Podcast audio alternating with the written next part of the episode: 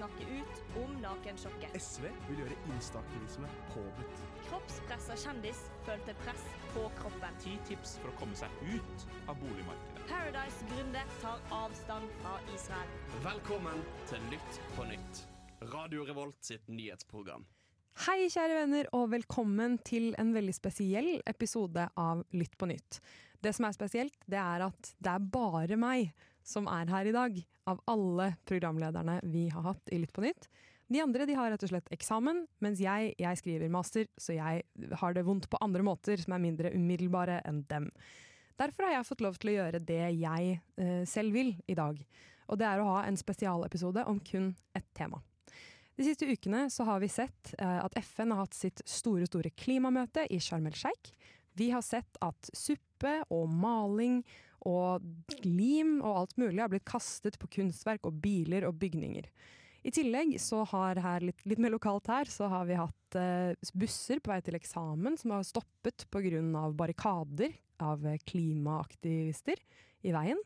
Og ikke minst så har vi nå hatt en fyr på riksdekkende TV som sa at han er villig til å begå voldelige handlinger i klimaets navn. Derfor tenker jeg at jeg lurer på, brenner det Det brenner jo i skogen, det vet vi, men brenner det også kanskje litt på dass for eh, klimakampen? Jeg har da med meg en spesiell gjest som kan svare muligens på en del ting, og selvfølgelig en fantastisk tekniker, Miles. Tusen takk. Eh, velkommen til Lytt på nytts klimaspesial. COP27 now has an urgent task to kickstart a new level of climate action. I wish I had hope in the COP conference, but 26 years of COP have shown that they have been hopelessly inadequate. We are in the fight of our lives and we are losing. Are you more concerned about the protection of a painting or the protection of our planet and people? Nå vil jeg veldig gjerne høre stemmen din, Kasper. Velkommen, Kasper Klausen. Du er her fra Stopp oljeletinga for å snakke om alt mulig som rører seg i klimabevegelsen. Hei, hei. Hei, hei, hei. Kjempehyggelig at du vil være her i dag. I dag skal du nok bli litt grilla, eh, og det gleder jeg meg til. Ja, det kan bli spennende. Ja, veldig. Um, også, hei Miles, vi vil gjerne høre litt fra deg. Hallo. Uh, du er tekniker i dag, men jeg kommer Ja. nok til å stille deg litt spørsmål også. Kjør på. Kan hende jeg stiller noen spørsmål også. Ja, veldig gjerne. Still spørsmål. Det er Ja. kjempefint. Um, og når vi er inne på spørsmål, så er det jo sånn at for de som uh, lytter til Lytt på nytt ofte, så uh, er det jo ikke første gang dere hører stemmen til Kasper. Fordi Kasper var her forrige uke uh, som et kort, morsomt innslag om hvordan det er å bli fengslet for klimaaktivisme. Og det ble du nemlig for et par uker siden, Kasper. Vil du fortelle litt om det?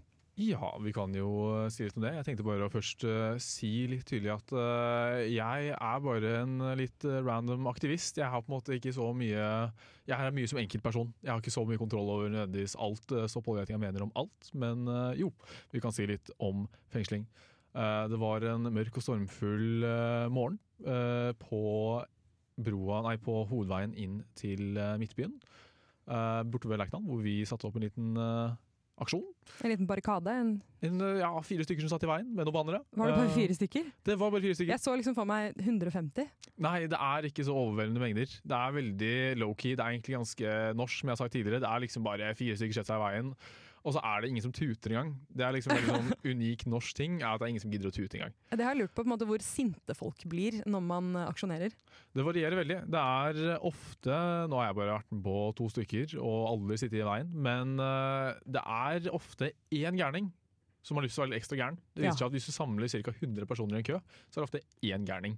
Eh, og det syns jeg er veldig fin forholdstall at det er 1 hver gang. Ja, det er god, god forskning, for det er jo hovedsakelig det dere gjør. Samle folk i kø. Ja. Um, men eh, det som, vi, vi har jo snakket om den fengslingen allerede, jeg tenker at vi tar ikke en reprise av det. Men uh, du fikk et lyttespørsmål forrige gang, hvor um, spørsmålet rett og slett eh, kommer fra vår egen rådgivende radiokanal her på Radio Revolt, nemlig Rådløs. De sendte meg nemlig et spørsmål til deg, som lyder som følger. Jeg støtter klimasak og alle som demonstrerer og protesterer i dens navn, men sliter selv med å finne engasjement og motivasjon nok til å gå i tog og demonstrere for noe som helst, da det hele oppleves tungrodd og meningsløst i møte med de mange systemene som jobber mot deg. Har det vært en lang prosess for deg å komme dit at du føler såpass sterkt for en sak at du er villig til å la deg fengsle, eller tror du i større grad at det er et personlighetstrekk at man kan brenne så sterkt for noe, Kasper? Dette var jo et veldig flott spørsmål. Uh, det er kanskje retta til en litt annen type aktivist enn meg. For jeg er nok den mest moderate aktivisten du finner. Uh, I hvert fall uh, i Stopp oljeletinga. Jeg er liksom, jeg syns at hele politiske spekteret har ganske viktige poenger. Og så syns jeg generelt at uh, klimagreiene går altfor sakte. At ellers så går det egentlig veldig bra. Og jeg syns det går. Jeg syns Norge er ganske flinke. Jeg stort Ja, du sett mener politikerne. på alle andre politiske arenaer enn oljen? Stort sett så går det veldig bra. Kort kort fortalt så har det jo aldri gått bedre enn noe sted i verdenshistorien. Stort sett. Men jeg må nesten Uh, si at jeg syns det er veldig imponerende å være en klimaaktivist som ikke har veldig måte, sterke følelser, hvis du skjønner hva jeg mener? Jeg har stort sett ikke sterke følelser for det meste, men så ser jeg at de klimagreiene det går ikke så bra. Og så ble jeg med på et sånt infomøte i sommer på Stopp oljeletinga og tenkte å snoke litt på det. For jeg har jo tenkt som mange andre at kanskje man skulle gjort noe for klimaet. Uh, så jeg valsa innom, og det er jo ganske lavterskel å bare høre på et infomøte.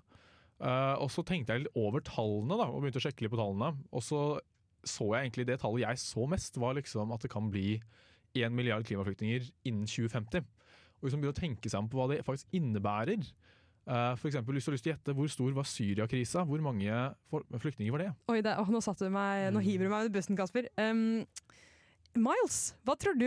Også med en gang over til meg. Jeg skulle sett på gameshow- gameshow-musikk for deg, ja. men- Gameshow-musikk? Sett på gameshow-musikk for deg selv, mann. Ja. Dun, dun, dun, dun, dun, Skal jeg svare nå? Ja. Nei, altså, vi kan begge to gjette, da. Ok, jeg tror at det var um, Hele Syriakrisa. Det var vel eh, noen år, det, men jeg husker ikke hvor lenge. Gode gud. Gi meg To tall. da. millioner! To millioner. Jeg Miles, hva sier sier du? 50 millioner. Miles dropper 50 50. millioner? Jeg er ikke sikker på om det bor så mange i Syria, eller har noen som bodde der. Jeg er litt Jeg usikker. vet ikke. Eh, svaret er altså fem millioner flyktet fra eh, Syria i løpet av hele den greia der. Ja, nettopp. Da var ikke jeg så langt unna, faktisk. Nei, Miles, du var, var, litt ambisiøs. Men jeg tenker, um, det, det er for så vidt et, eh, det er jo et, helt sykt tall. Det er, det er Mm. virkelig en, en mørk er- mørk framtid vi har eh, foran oss, dersom ting fortsetter som de gjør. Og det tror jeg nok vi alle vet, på en måte. Så jeg vil bare si at vi vil gjerne legge til grunn her at de aller fleste altså Et premiss for denne diskusjonen her er at vi vet at den veien ting går, det er rett til helvete. Og det, det tror jeg nok alle vi, veldig mange, spesielt kanskje våre lyttere, er eh, enig i, da. Ja. Um, og da tenkte jeg at eh, før vi eh, går til låt, så vil jeg gjerne også si på en måte Kasper er jo da aktivist, og jeg tror da at det er viktig å si hvem jeg representerer eh, også i denne diskusjonen her, og det er nok de som eh, jeg, jeg er en sånn som på en måte ikke egentlig gjør noe særlig for klima.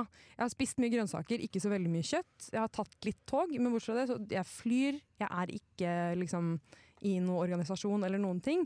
Men samtidig så er jeg sånn jeg maser på besteforeldrene mine og blir sure når de syns at eh, vi skal bore mer olje. på en måte. Jeg er sånn som virker som en aktivist for de rundt, men i praksis ikke gjør noen ting. Så i akkurat denne diskusjonen så tror jeg kanskje jeg er en sånn konservativ eh, siderumpa person i forhold til deg, Kasper. Det er mulig. Eh, hva med deg, Miles? Hvordan, hvordan, hvem, hvem er du? Hvem er Klima-Miles? Åh, jeg, jeg, jeg liker kanskje å tro at jeg gjør mer enn jeg egentlig gjør, da. Det er litt sånn om jeg skal hjem i ferien, da, så tar jeg tog til Oslo i stedet for å fly.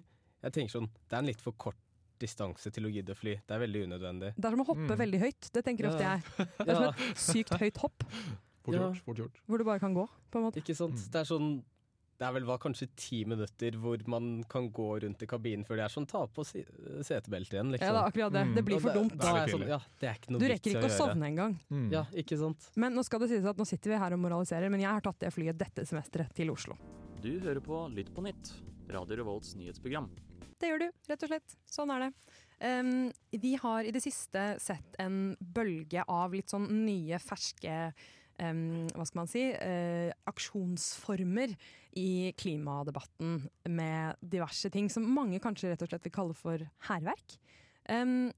Og nå, det, det er på en måte én ting. Det har nok gjort at ganske mange har blitt eh, irritert. Men i tillegg, som jeg nevnte innledningsvis, så har vi også hatt eh, det jeg vil kalle en ganske legendarisk debatt, der hvor flere medlemmer av klimabevegelsen, ulike folk, eh, møttes og fikk snakke om hvordan de vil kjempe for klima.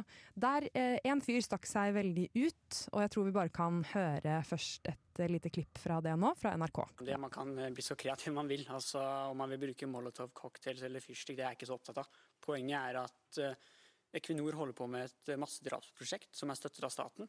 Og da må det norske folket eh, få lov til å kjempe mot det. Eh, Vi kan se tilbake til andre verdenskrig, hva Gunnar Sønsteby gjorde, hva Max Manus gjorde. De brukte vold.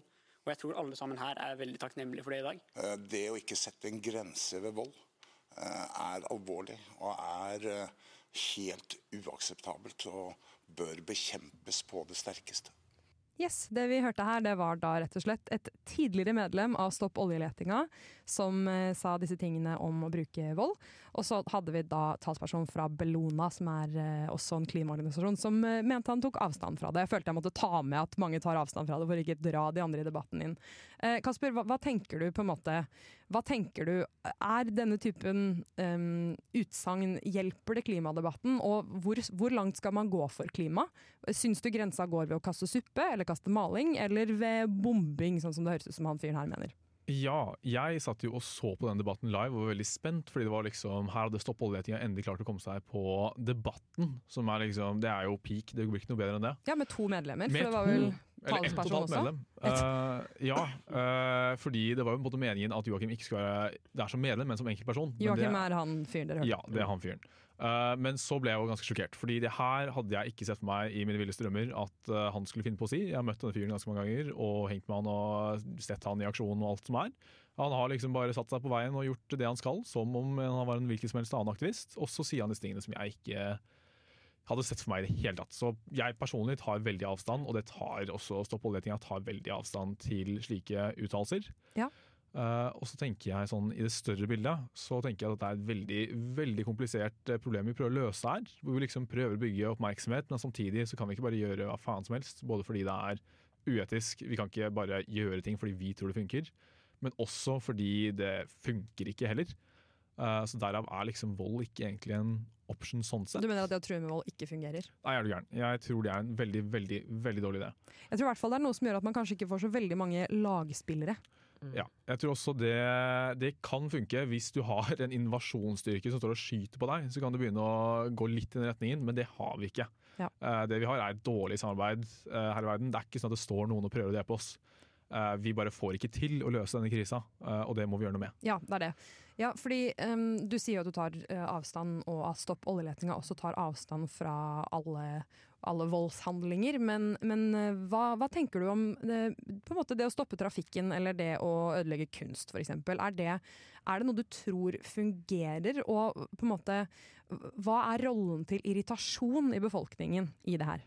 Ja, eh, Det er et veldig godt spørsmål. Personlig så er jeg usikker på om alt sammen fungerer. Jeg tror det er eh, For meg så er det 60-40. Disse eksempel eh, Da man blokkerer veien, det syns jeg er en sånn 60-40 sjanse for at det funker. Det er kanskje litt rart for mange at noen som er med på det, kan tenke sånn. men Når du sier jeg- funker, hva mener du? At det er bra for klimasaken i sum, at det faktisk fører til positiv politisk endring. Mm. Fordi man prøver liksom å balansere det at folk blir sure og oppgitt osv. Uh, med at man også prøver å få til oppmerksomhet rundt saken. Ja.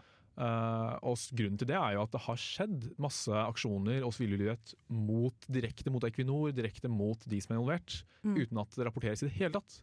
Uh, for eksempel I sommer så var det vel en eller to uker aksjon mot uh, noe oljeinfrastruktur med, i Norge med sivillydighet som blokkerte det.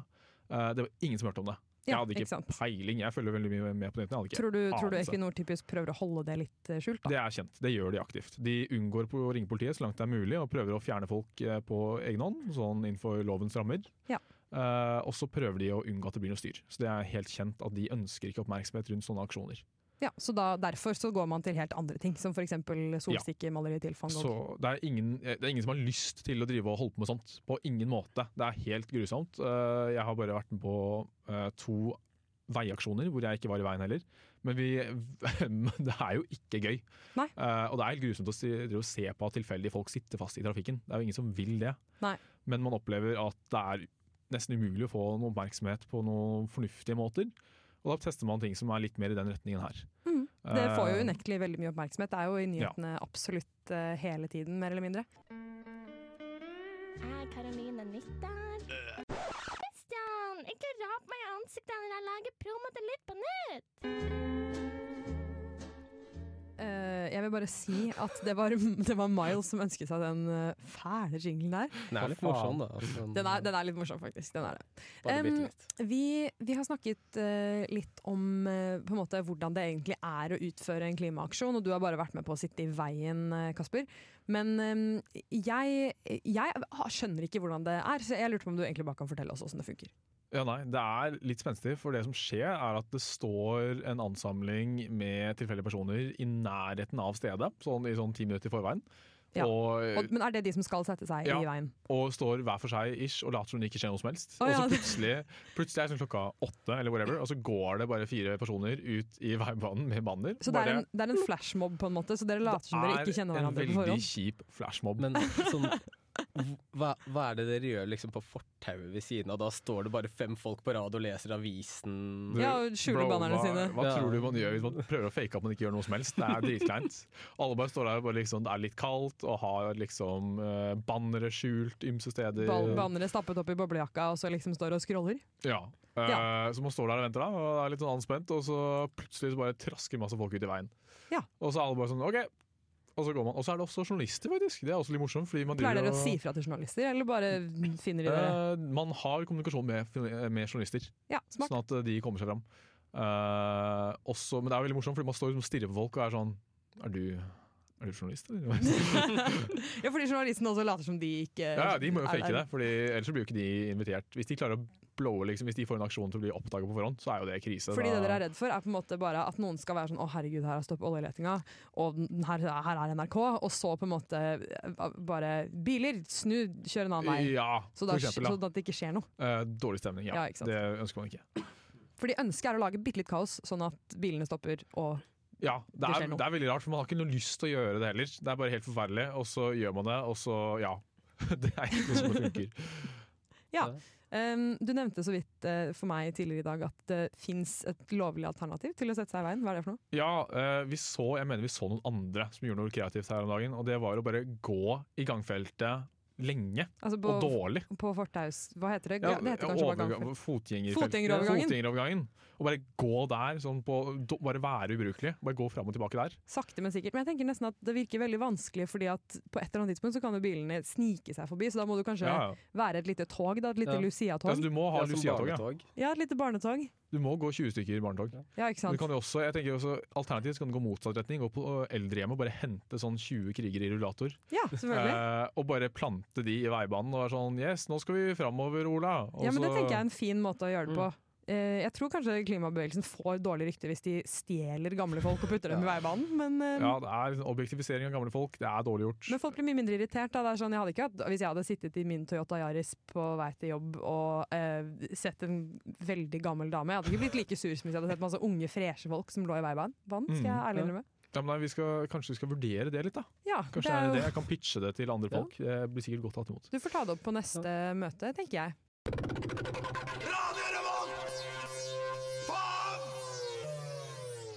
Faen, kan man jo si, eh, når man tenker på hvor, eh, hvor verden går klimamessig. Smooth. Smooth. Takk. Um, det er jo litt sånn at eh, Jeg stilte dere akkurat spørsmål om eh, på en måte, flyr dere, er dere vegetarianere, hvor gode er dere når det kommer til deres klimafotavtrykk. Eh, det som er spennende er at det har, Jeg har blitt bekjent at klimafotavtrykk ikke nødvendigvis er en ting man skal være på en måte altfor opptatt av. på en måte. Sitat Kasper Klausen. Oi. Um, fordi Du kan egentlig få forklare selv hva som skjer. Jo, nei, det er, jeg synes det er egentlig en ganske viktig ting når det kommer til sånn politiske klimating, er at eh, du skal ikke gå rundt og forvente at alle er klima-Jesus.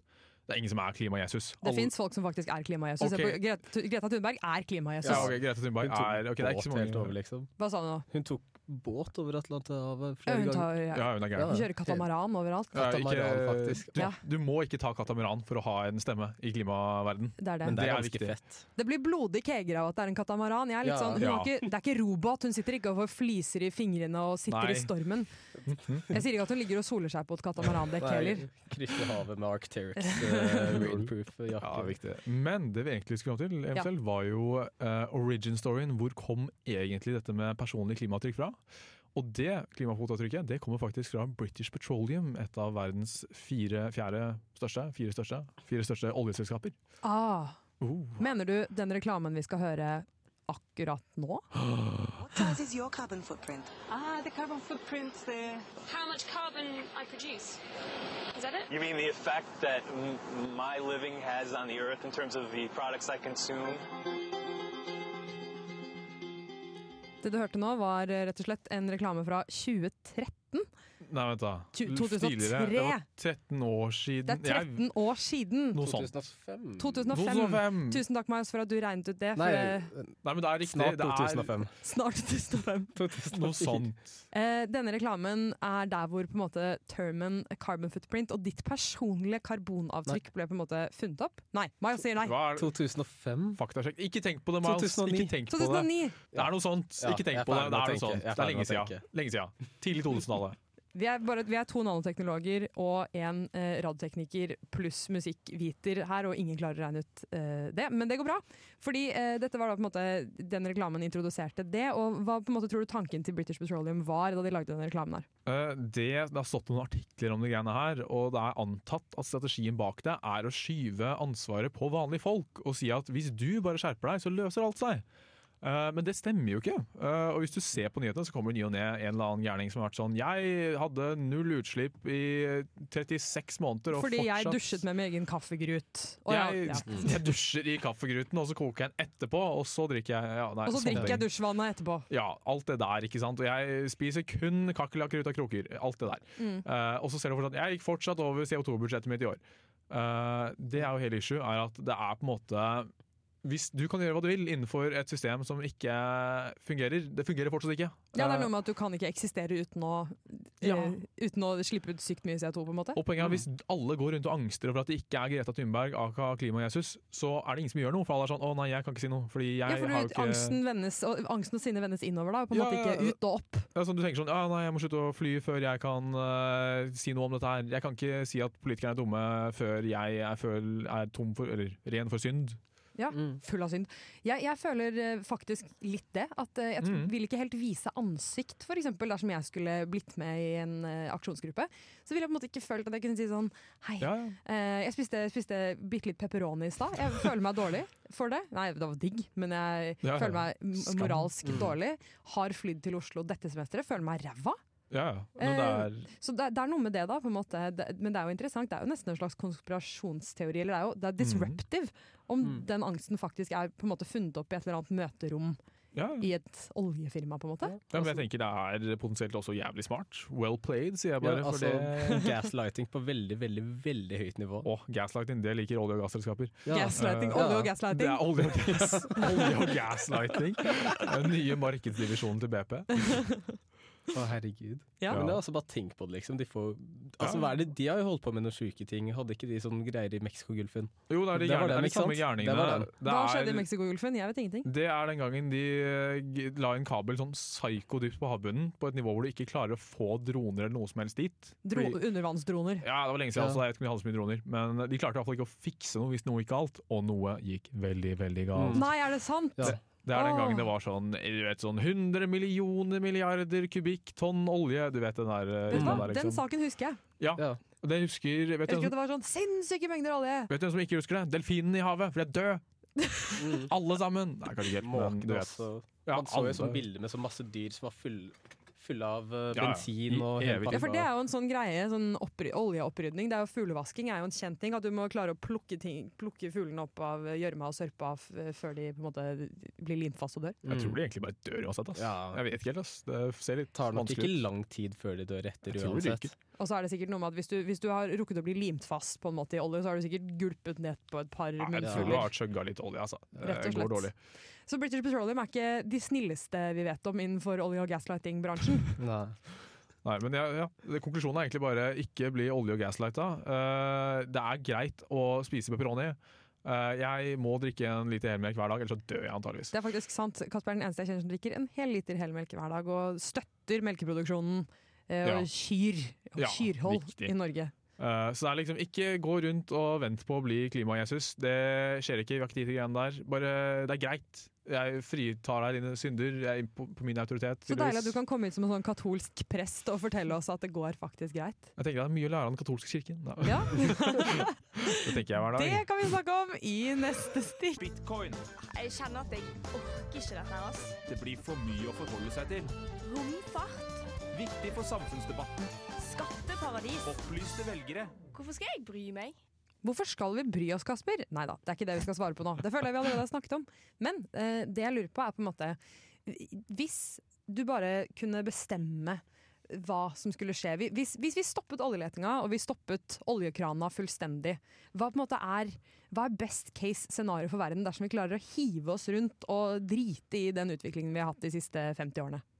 Ja, jo, jeg tenker først og fremst kan jeg si at liksom det stoppe oljeletinga vil, er jo åpenbart én ting, og det er stoppe oljeletinga. Smart navn, sånn sett. Veldig smart navn. Uh, og det som er nøkkel, uh, litt av kjernen i det, er at det er ingen som sier 'nå skal kranen av', 'nå, nå, nå'. For det går jo ikke så jævlig bra. Ja, fordi leting og kran er ikke helt det samme. Leting og kran er ikke det samme. Leting sier det tar minimum 5-10-15 år da, før du begynner å ta den olja du leter etter. Ja, fordi du sender alle dykkerne ned med dykkermaskene sine, og så begynner de å poke rundt i bakken. Ja, ikke sant? Ta litt tid når du bare jobber med snorkel. Det Mm. Ja, tar det lang det. tid å drive og grave seg ned under havbunnen. Det gjør det. Uh, så det er på en måte det som er litt kjernen. er At uh, Det burde være helt ukontroversielt å si at vet du hva, vi må stoppe med oljeletinga. Fordi det er i hvert fall hvis vi leter, da har vi på en måte sagt at vi ikke klarer å fikse dette her. Mm. Men hvis jeg helt personlig, og det er også en greie, det er stor spredning i hva folk i Stopp oljeletinga mener om alt annet enn å stoppe oljeletinga. Eh, Ja, det er godt dere kan enes om det. ja, Uh, det er spenning om andre ting. Ja, men uh, jeg var nylig på Grønn dag, eller hva det heter, på Studentersamfunnet, og der hadde Equinor en presentasjon om deres rolle i verden akkurat nå. Det er vel ganske delte meninger om Equinor innad i Stopp oljeletinga. Det er relativt udelte meninger, men jeg er kanskje ikke helt enig. Du er uenig med alle andre i Stopp oljeletinga om Equinor. Det er stort sett, eller Jeg er ikke så uenig, egentlig, men det jeg tenker er at Equinor har rett i at akkurat her, akkurat nå, neste si åtte åra fram til 2030, så er det faktisk litt kritisk at det er litt energi ute og går. Ja, fordi de i England heter jo Just Stop Oil. Mm. Og da, da det, det kan jo være litt hissig, så på en måte Just Stop the Looking for Oil er det de burde hete. Just stop the looking. Ja, det er mye stoppe looking som jeg tenker er lurt. Ja. Uh, nå vet jeg, jeg vet faktisk ikke hva Just Stop Oil i England nøyaktig hva de vil eller krever. Det aner jeg ikke. Jeg har en Eh, mistanke. Jeg også har en mistanke. Jeg har, jeg har en mistanke om hva de vil, jeg også. Jeg lurer på hvor drastisk det er, det vet jeg ikke. Men uh, Men, men på en måte, hva skjer da hvis vi Hva, hva skjer hvis vi, det rask, hvis vi iverksetter absolutt alle tiltak? Altså det som, ok da, det spørs, Hvis du skrur av krana, så er det som skjer at det ikke går an å lage fornybart raskt nok. Fordi fornybart krever jo elektronikk, og elektronikk tar fysisk tid å lage. Og det å oppskalere, liksom, det å lage vindmøller, tar, det er stress. Det Ja. er ikke sånn du bare gjør uten videre. Du må sette opp fabrikker og få ting gjort. Og de er svære. De er svære, ja. De tar lang tid å lage. Og så masse ingeniører i alle retninger, så det tar litt tid. ikke sant? Så uansett, det, er liksom, det å skru av nå er ikke så veldig god option, men vi må bare pace opp tempoet noe drastisk. Uh, fordi alternativet er veldig, veldig dårlig. Ja, rett og slett uh, veldig, veldig dårlig. Så egentlig, hvis jeg personlig kunne styre alt som var, så ville jeg jo bare sagt at dette kommer til å gjøre litt vondt, men nå må vi bare druse alt vi har av kraft, penger og folk i retning å finne på fornybare ting, og teste fornybare ting, selv om de ikke tjener penger på det akkurat nå. Ja. Uh, både fordi det er liksom moralsk riktig å ta litt ansvar når vi er i verdens rikeste land, og alt det der, men også fordi jeg tror det hjelper i langløp å ligge foran kurven. Ja. Fordi med en gang alle andre kommer etter, så har vi plutselig en stor fordel på alle andre hvis vi har jobbet med å være et mye mer fornybart samfunn lenger enn andre. Ja, det kan du si. Du sa et viktig nøkkelord der, da, og det er jo på en måte penger. Og her kjenner jeg at Det er jo litt å spille og være djevelens advokat på en måte, men jeg har, jeg har på en måte to spørsmål når det kommer til penger. da. Og det er først og fremst Det er noe som mange, mange tenker det nok og føler litt på det. Det er, det er noe med at er det å, det å på en måte stoppe oljeletinga, fase ut olje i Norge, er det i praksis å gi penger til alle de andre oljenasjonene? Er det noe vi ønsker å gjøre? Det er et veldig godt spørsmål, og et eh, problem. Eh, sånn jeg ser det, da, jeg kommer litt fra andre enden, og det er at hvis ikke hvis Selv ikke vi da, i Norge, som har det ganske bra og har hatt mye penger lenge. Hvis ikke selv vi klarer å stoppe målrettinga, så kommer antageligvis ingen til å gjøre det. Eller sånn, Da kommer alle til å fortsette å ta all olje vi får tak i og være grådige, og da går verden under sånn ish. Ja. Eh, Har ikke jeg- Sverige eller noe sånt, eller var det Finland som sa «Å, Norge, vi ser dere? Ja, det var sånt. noen som kåla oss ut på at vi ble søkkrike på Ukraina. Fordi energiprisen gikk i taket, og så ble det sånn å nei, vi ble søkkrike, ups. Uff, så synd. Uh, og det var jo den legendariske å nei, vi har ikke råd til å betale 1 av statsbudsjettet i bistand lenger, som vi alltid har gjort, eller lenge har gjort.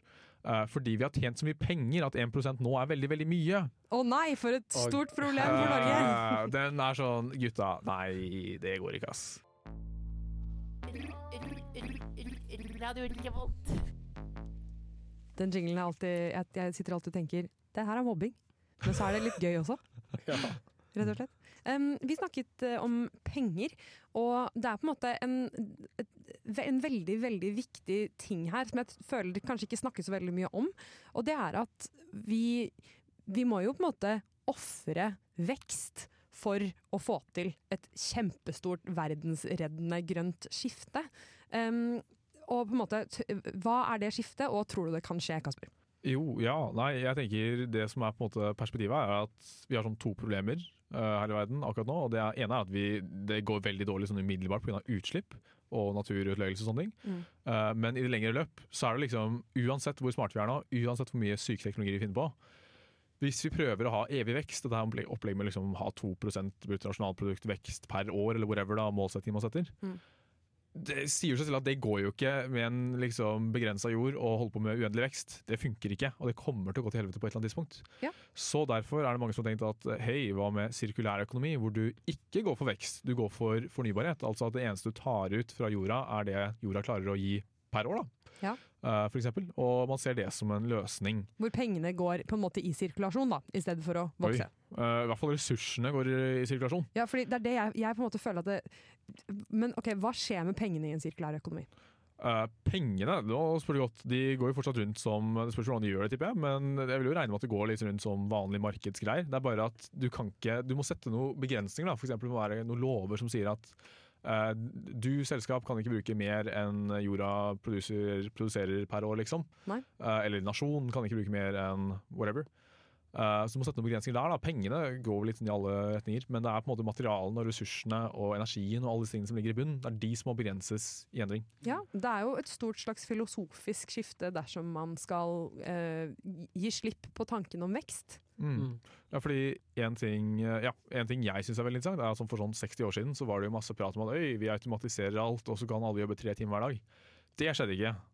Eh. Det, det som skjedde var at Vi jobber fortsatt åtte timer hver dag, men vi bare lager psyko mye mer. Uh, og vi er ikke det, det går liksom De trenger ikke holde på sånn i evigheten. da. Vi kunne tatt ut disse tingene i å gjø- jobbe mindre eller bare ha det fetere på andre måter. Åh, det hadde vært deilig å jobbe mindre og ha det fetere. Det er alt Ja. jeg vil med livet mitt. Noe Hva jeg lurte på med det sirkulære økonomigreiene, var sånn La oss si vi har sånn dopapirselskap, da. Og de er sånn øh, Folk har løsere mage magen, og vi er nødt til å lage mer dopapir. Hadde det da betydd at de ifølge loven hadde måttet sånn plante flere trær, f.eks.? Kunne de da ha laget mer Jeg liker at du, En forutsetning for dette spørsmålet er at vi har løsere mage i fremtiden. Ja. Altså, eksempel, da. Jeg tenker ikke sånn ny pandemi i fremtiden, der bare alle bare driter på seg hele tiden.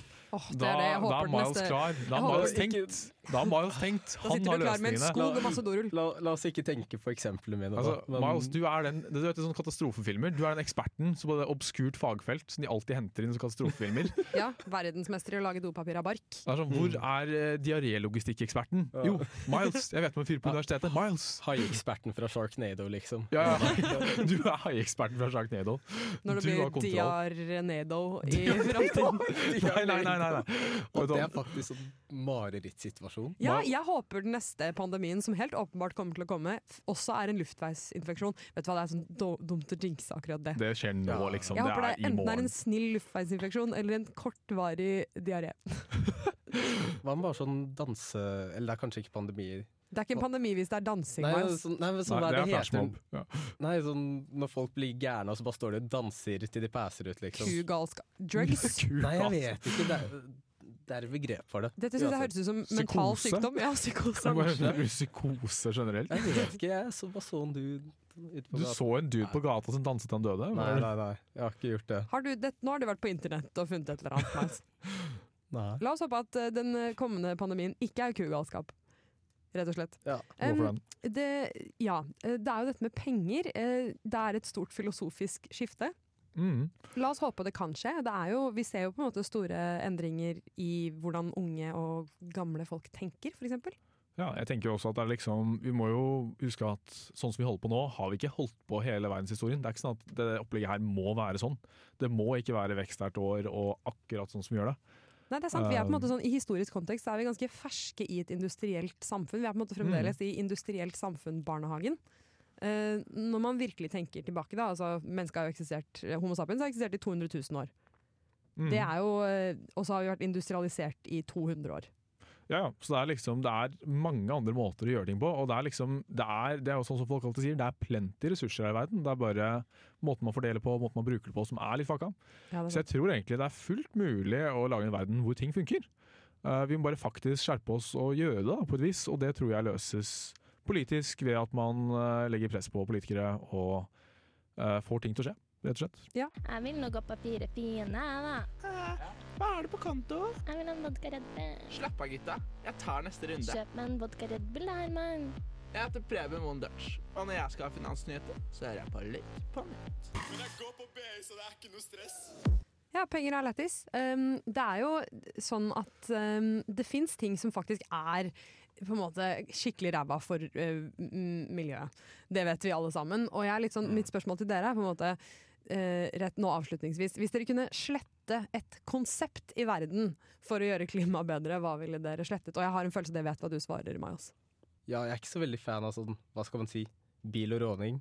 Men Formel 1 syns jeg er sånn veldig Ja, så det er ikke, Mm. det er ikke råneren i Telemark du Nei, nei, nei. vil ta, det er uh, Formel 1. Ja. Eller egentlig alt med bil, på en måte. Jeg, jeg vet ikke, jeg liker ikke biler. heller. Nei, jeg liker heller ikke biler. Jeg liker Men- biler, da. Du liker biler. biler Vet du hva? er. Det er hyggelig at du kan sitte her og være klima-Jesus som liker biler. Ja, ja. Altså, det er sånn, Jeg skjønner biler er nødvendig, men det må stoppe et sted. på en måte. Ja, de er nødvendige, men jeg det, er, på en måte- det er unødvendig bilentusiasme. Det syns Mm. jeg er irriterende. Men nå, nå skal jeg si at jeg har en familie som er kjempeglad i bil. Ja, Vi er også Eh, veldig glad i bil. Ikke kjernefamilie, men eh, alle rundt Mm. elsker bil. Hva hadde du valgt? Kunne jeg gjort et eller annet, så ville det vært å elektrifisere et fly. Selv om jeg syns det virker litt creepy å sitte oppe i lufta når det er helt stille. Og det hørtes helt grusomt ut. Men bare den der elbillyden. din. Det sånn, blir bare som 2001 Space Odyssey, liksom. Ja, ja, sitter bare å fy faen, å fy faen. å fy faen. Ja, men er det- Eller så hører man den babyen enda høyere. Ja, den som skriker. Ingen noise cancelling, ass. Hardt liv. Ja, for Det, er deilig med, det syns jeg er veldig deilig med fly. Det er jo at du sitter der, og så er det en baby som «Æ!» Og så kan du sitte sånn «Åh!» uten at noen hører Mm. at du er sånn Kom den jævla babyen, hold kjeft! Uh, og det, det er deilig med fly. Så jeg tenker at hvis de Jeg ville elektrifisert fly. Det ville vært helt fantastisk. Men jeg ville også lagt på en høyttaler med masse bråk i bakgrunnen av flyet. Ja. For at vi følte oss trygge. En sandbox soundbox bakerst der. Ja. Alltid soundbox. Rett og slett. Hva med deg, Kasper? Jeg har en uh, liten kjepphest med Equinor akkurat her, og det er elektri- elektrifisering av sokkelen. For det er det dummeste jeg har sett, tror jeg. da. Det er mulig det er en sinnssyk ting jeg ikke har skjønt her, men så vidt jeg skjønner, så bare putter du enorme kabler i havet for å få strøm ut på sokkelen, i stedet for å brenne den gassen de eksporterer ut av landet, på skip og rør og båter og alt som er. Ja. Uh, og det betyr jo egentlig det er bare utrolig ineffektivt. For Ja. du tar strøm Du kunne like gjerne sendt strømmen istedenfor å sende den gassen på en evig rundtur. Hvorfor sender du ikke strømmen til Tyskland eller whatever, liksom? Ja, Betyr det at mer eller mindre på en måte olje blir brukt i Norge? Uh, det betyr at du flytter forbrenningen av gass ut av Norge, så det ser bra ut på klimaregnskapet til Norge. Ja, nettopp. Fordi nå bruker vi en del CO2 på å tenne på gass ute på plattformer. På å bruke våre egne råvarer. på en måte Det er som å spise Ja. potetene du plukker opp av åkeren selv, for Ja, å plukke flere poteter. men- på en måte Ja, nei, det, er, det er liksom du ser at du istedenfor å spise potetene dine, sender dem ut og spiser gulrøttene til naboen. Ja, okay. Det er bare lukk. Det er liksom, Hva er det du vil? Uh, det er ineffektivt å sende ting jævlig langt. Så nå går vi fra å brenne gass ute der man lager det, som egentlig er hvis du først skal brenne gassen, nice, Gjør det er der det gjøres, Ja. til å ta strøm som er lagd på fastlandet, sende til helvete ut. Det er masse kabler, det er mye ingeniører, det er mye folk som jobber med det. Og så sender du gassen til helvete til et annet land, sånn at de kan putte det på klimaregnskapet sitt. Ja, men Det er egentlig litt interessant å høre, fordi jeg syns elektrifisering av sokkelen høres pent ut. Ja, det høres veldig pent ut. Mm. Men det er ikke det, er- det er, det er stygt. Ja, det er dumt. Det er Ok, Okay, Da tenker jeg at eh, vi alle sammen eh, kan avslutte med et kollektivt fy! Fy, Equinor. Fy til Equinor. Eh, ikke til deg, lytter. Du er kjempeflink som har sittet her og hørt på oss snakke om det store, skumle K-ordet. Eh, og olje og gaslighting, og ikke minst eh, diaré, som også ble snakket om. nei, nei. Det Jeg husker ikke hva vi Hva skal kalte vi gjøre med papiret? Ja. Hva skal vi gjøre skal vi gjøre med Det dopapiret? Tusen, tusen takk for at du ville høre på eh, oss i dag, og vi høres neste uke. Du har lyttet til en podkast på Radio Revolt, studentradioen i Trondheim. Sjekk ut flere programmer på radiorevolt.no.